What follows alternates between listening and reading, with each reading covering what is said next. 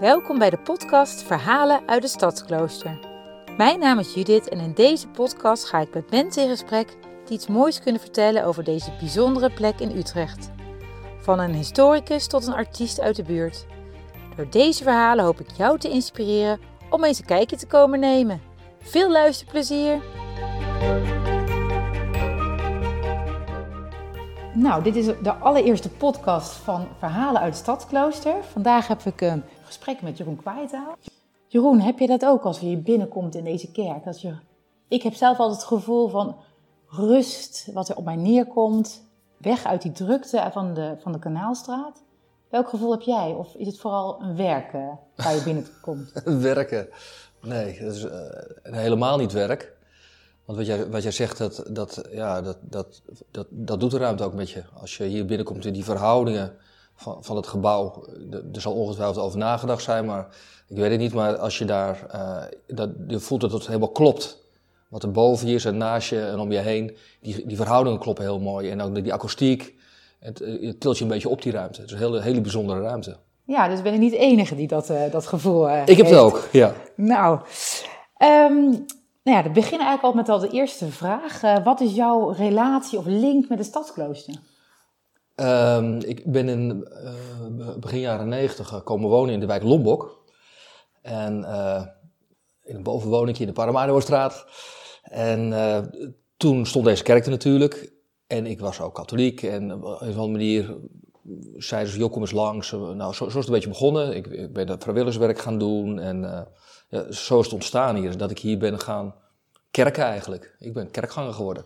Ja, met de, dat is met, echt met de kerk en met het stadsklooster zelf? Ja, stadsklooster, ik was steeds meer betrokkenheid. En toen in 2015, toen werd bekend dat deze kerk verkocht zou worden. En, het, en er waren ook plannen dat misschien, ja, zou die wel een, ja, er moet misschien wel een supermarkt erin, of, of, of woningen, of nou ja, hij zou verkocht worden. Ja, en toen dacht ik, ja, dat is echt doodzonde, want als deze plek dicht gaat voor de wijk. Nou, nou zat deze plek zat al heel vaak dicht voor de wijk, omdat alleen die katholieke gemeenschap zat erin. Maar als die plek nou eens open zou kunnen gaan en er zouden ontzettend mooie dingen kunnen gaan gebeuren en waar de mensen in de wijk van konden genieten. Dus zeg maar een soort tweede uh, leven voor dit gebouw. Nou ja, dat, dat, zo is eigenlijk het stadsklooster ontstaan met, met, die, met die gedachte. Als dit nou eens voor de hele wijk open zou kunnen gaan. En uh, nou, daar heb je eigenlijk ook gelijk Hè, het ontstaan van Stadsklooster verteld en, en, en jouw rol uh, daarin?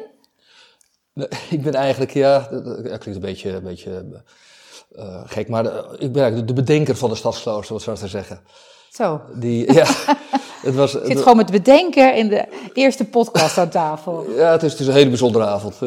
nee, maar de, um, eigenlijk uh, op, op, ik weet nog heel goed, het was uh, kerstavond.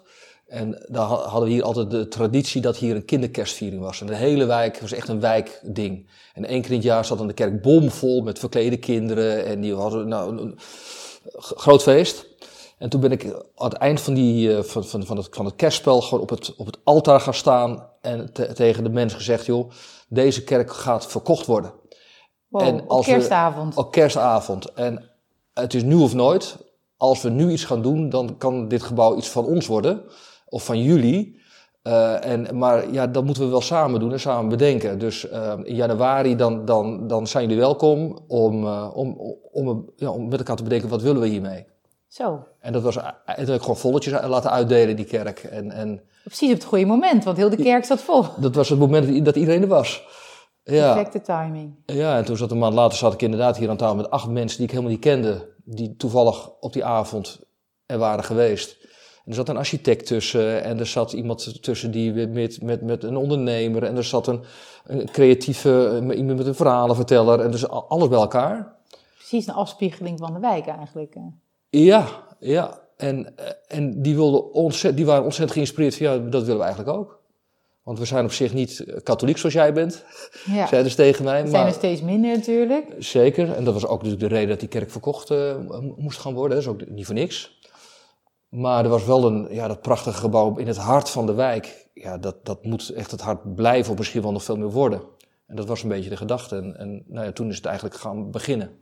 Oké, en dat was in? 2015, al zes jaar geleden. Ja. Zo. Ja. En ehm, nou, dat is alweer een tijdje geleden. Inmiddels uh, zijn er al veel uh, mooie voorstellingen hier geweest. En ehm, wat, wat was voor jou echt, wat heeft echt op indruk gemaakt op jou? Welke voorstelling? Er zijn best wel een paar, uh, ja, best veel voorstellingen, want er zijn heel veel verschillende voorstellingen ook hier ook al geweest. En, en ik ben een keertje bij een, een in memoriam geweest, of een, een tribute voor Leonard Cohen bijvoorbeeld. Dat was Leonard Cohen, liedjeszanger. Aha. Suzanne. Ah ja, Suzanne, ja, die ken ik wel bij het water, toch? Mm, zeker.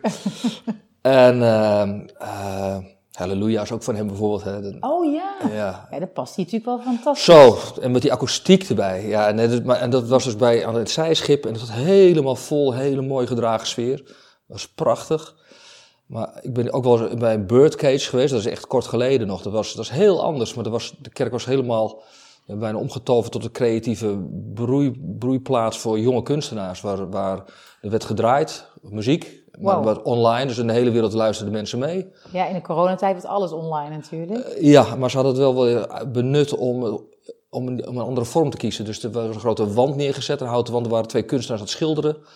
En op het podium, wat vroeger het altaar was, daar zat een een, een, uh, iemand met klankschalen, een jong uh, een kunstenares met klankschalen. Nou, en dat was allemaal weer gefilmd en dat was allemaal online gezet. Nou, het was online en offline. En dat vond ik ook heel inspirerend om, daar, om dat te zien. Dat, oh, dat kan dus op deze plek. Wow. En dan krijg je zo'n, dan krijg zo'n activiteit echt een enorme meerwaarde van. Zo. Door de, door, een, door de locatie. En een hele trotse voorzitter hoor ik dan. Die dacht, hebben wij toch maar mo mo mogelijk gemaakt hier. Ik, nou ja, soms denk ik wel eens, jeetje, dat, dat, het, dat het is dat gelukt is dat, om die kerk te behouden voor, en nog sterker nog, om die echt een, een, een, eh, een, een stadsklooster van te maken waar veel meer mensen van kunnen genieten dan, dan toen er nog een kerk was. En eh, ja, dat het überhaupt gelukt is. En dat er ook zoveel mensen enthousiast meedoen en, en die instappen. En ik kom eigenlijk zelden iemand tegen die dus zijn schouders ophaalt als ik vertel over stadsklooster. Zeg, oh, het zal wel. Maar mensen worden altijd enthousiast. Van, oh wauw, wat, en, zou ik er ook iets kunnen doen? Wauw. Nou ja, dat is aanstekelijk natuurlijk. Hè? En, en, en het is een hele bijzondere plek inderdaad. Maar wat maakt het nou zo bijzonder ten opzichte van andere podia? Ik bedoel, er zijn natuurlijk al meerdere podia in, in Utrecht hè, waar opgetreden wordt. Ja. Toen jij binnenkwam, toen zei je, wow, wat, er gebeurt iets met me. Zeker. En, en dat, is, nou, dat is precies de meerwaarde. Dus uh, zodra je hier binnenkomt en of je nou een, een, met een theatervoorstelling hier staat, of met een, uh, met een dansvoorstelling, of je, je bent uh, met een lezing bezig, of je bent met yoga bezig, of je bent met. Er gebeurt iets met je door die ruimte. En dat maakt het echt dat, dat, je in een, uh, dat het echt een, een soort plus ding is. Een experience noemen we dat tegenwoordig. experience. een experience is het, ja. Nou, ja. Dat, ja, dat, ja dat, dat is het precies.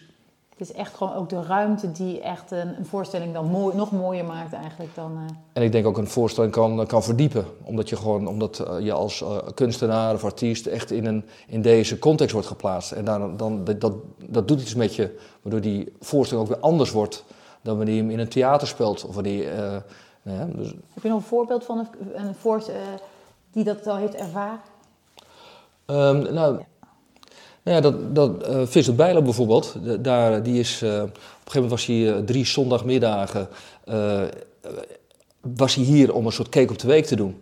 En hij speelt ook heel veel in theaters en, en dat soort dingen. Ja. En op deze plek klonken zijn liedjes gewoon anders. En klonk zijn, zijn, zijn voorstelling een uur lang, klonk toch echt weer anders dan wanneer hij dat in het theater doet. De ruimte heeft, die heeft enorme impact, ook op, op de, de artiest die hier staat. Kijk, dus het gaat twee kanten op. Ja, en dat maakt het zo interessant. En uh, welke artiesten, nu toch over artiesten, welke artiesten of voorstellingen zou je eigenlijk hier graag nog een keer willen zien? Nou, als ik zeg maar, ik hou enorm van muziek. En uh, als ik een, een, een van mijn van wensen. Bijvoorbeeld Birgit Lewis, dat, dat die hier zou staan. Die heeft een fantastische zwarte gospelstem. Aha. En, ik uh, dacht wel Birgit. Ja, dus, Lewis. Uh, The Ladies of Soul. Aha. En uh, ja, als die dan met een... De, de, ja, het, is ook een, het is ook een kerk geweest, maar als die dan met een groot gospelkoor die staat... En dan, dat zou ik wel eens willen horen hier. Hoe dat hier dan klinkt. Het liefst nog samen met haar een duet zingen. Dat zou helemaal fantastisch zijn. nu ja, droom ik echt, nu droom ik echt, hè. Maar daar is die ruimte ook ja, daar is die ruimte fantastisch uh, voor geschikt. En wat ik eigenlijk ook nog. Ja, Uh, een paar jaar geleden hadden we, begonnen hier al heel voorzichtig. We hadden op een gegeven moment, zag ik links bij het Maria-altaar 30 yogamatjes liggen. Met alle kaarsen stonden aan. En er waren gewoon 30 jongeren uit de buurt die waren aan je met yoga bezig. Zo. En, en het was power yoga, want het was flink koud. maar toen dacht ik van, als je hier nou binnenloopt op een zaterdag en er liggen geen 30 matjes, maar er liggen hier 300 matjes. Zo. En, uh, je hebt er gewoon een, een, een, een, weekend of een event met een, een, een goede yoga-instructeur of met, met, met uh, een markt eromheen. En, want dat kan hier ook. Ja. Weet je? En nou ja, dat, dat soort dingen die... Uh, ja, dat, het is zo'n grote ruimte. Ja. er kan, kunnen heel veel dingen. Er zitten ook geen pilaren middenin die in de weg nee. zitten of iets dergelijks. Ja. ja, en je kan het ook nog ook weer kleiner maken. Hè? Dus zoals met die, uh, met die in, memoria van, in memoria van Leonard Cohen, dan maak je het weer kleiner. Maar je kan de hele ruimte gebruiken. En dan, ja, nou, het, is, ja, het, is, het is gewoon een fantastische ruimte. Zo, ik, ik hoor hier een hele, hele enthousiaste voorzitter. maar die ook hier vroeger natuurlijk geweest, uh, heel veel is geweest toen het nog echt vol was met kerkgangers. Ja, het was ik er één van. Ja, ja eigenlijk als je toen het vroeg je naar de, de, de mooiste voorstelling die ik heb gezien volgens mij. Ja. Um, ja, dat, ja, heel lang geleden toen, toen wat nu het podium is, daar, daar stond toen het altaar. Toen stonden mijn vrouw en ik zelf, mijn latere vrouw zelf achter het altaar, gaf elkaar het ja-woord. En ja, wat mij betreft is dat tot nu toe de mooiste voorstelling tot, ja, geweest tot nu toe. Nou, dat was een mooie persoonlijke afsluiting, uh, een mooi persoonlijk verhaal. Het is natuurlijk ook de bedoeling van deze podcast dat uh, de luisteraars wat meer gevoel krijgen bij Stadsklooster. Het is meer dan alleen een, een mooi kerkgebouw. En uh, over de mensen die met passie werken en gedreven zijn. Um, nou, we hebben nou, de voorzitter leren kennen. Jeroen, heb jij nog iets toe te voegen? Nou, ik heb heel veel verteld over, over evenementen of activiteiten hier. Maar eigenlijk vind ik deze ruimte ook een plek die altijd open is als er geen activiteit is.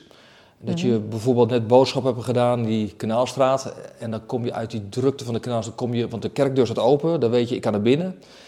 En dan loop je binnen en dan kom je in deze ruimte terecht en dan ga je even lekker, dan zet je je tassen neer en dan ga je zitten en dan kan je een kaarsje aansteken. Even bijkomen van boodschappen doen even bij komen boodschappen doen en daar, daar, zie je een kist staan van de voedselbank, want daar, wordt, daar laat je wat spullen achter. Nou ja. Ik dacht al, waar zijn die boodschappen toch voor? nou, je mag je boodschappen weer naar huis nemen, maar andere dingen kun je hier achterlaten. Nou ja, de, de, maar zo, dat. Dus mensen echt een plek geven om even tot ja. rust te komen. Eigenlijk het gevoel wat we hadden toen we binnenkwamen. Ja, het klopt het hart van de wijk. Kijk, dat is een mooie afsluiting. Dankjewel voor dit gesprek. Graag gedaan. Wat superleuk dat je naar deze aflevering hebt geluisterd. Als je nog meer verhalen wilt horen uit Stadsklooster, abonneer je dan op onze podcast in je eigen podcast-app. En mocht je nog iemand kennen voor wie deze aflevering ook interessant is, stuur het verhaal dan vooral door. Want hoe meer mensen onze verhalen kennen, hoe meer het Stadsklooster gaat leven. En dat is uiteindelijk de bedoeling. Nogmaals dank voor het luisteren en tot de volgende aflevering.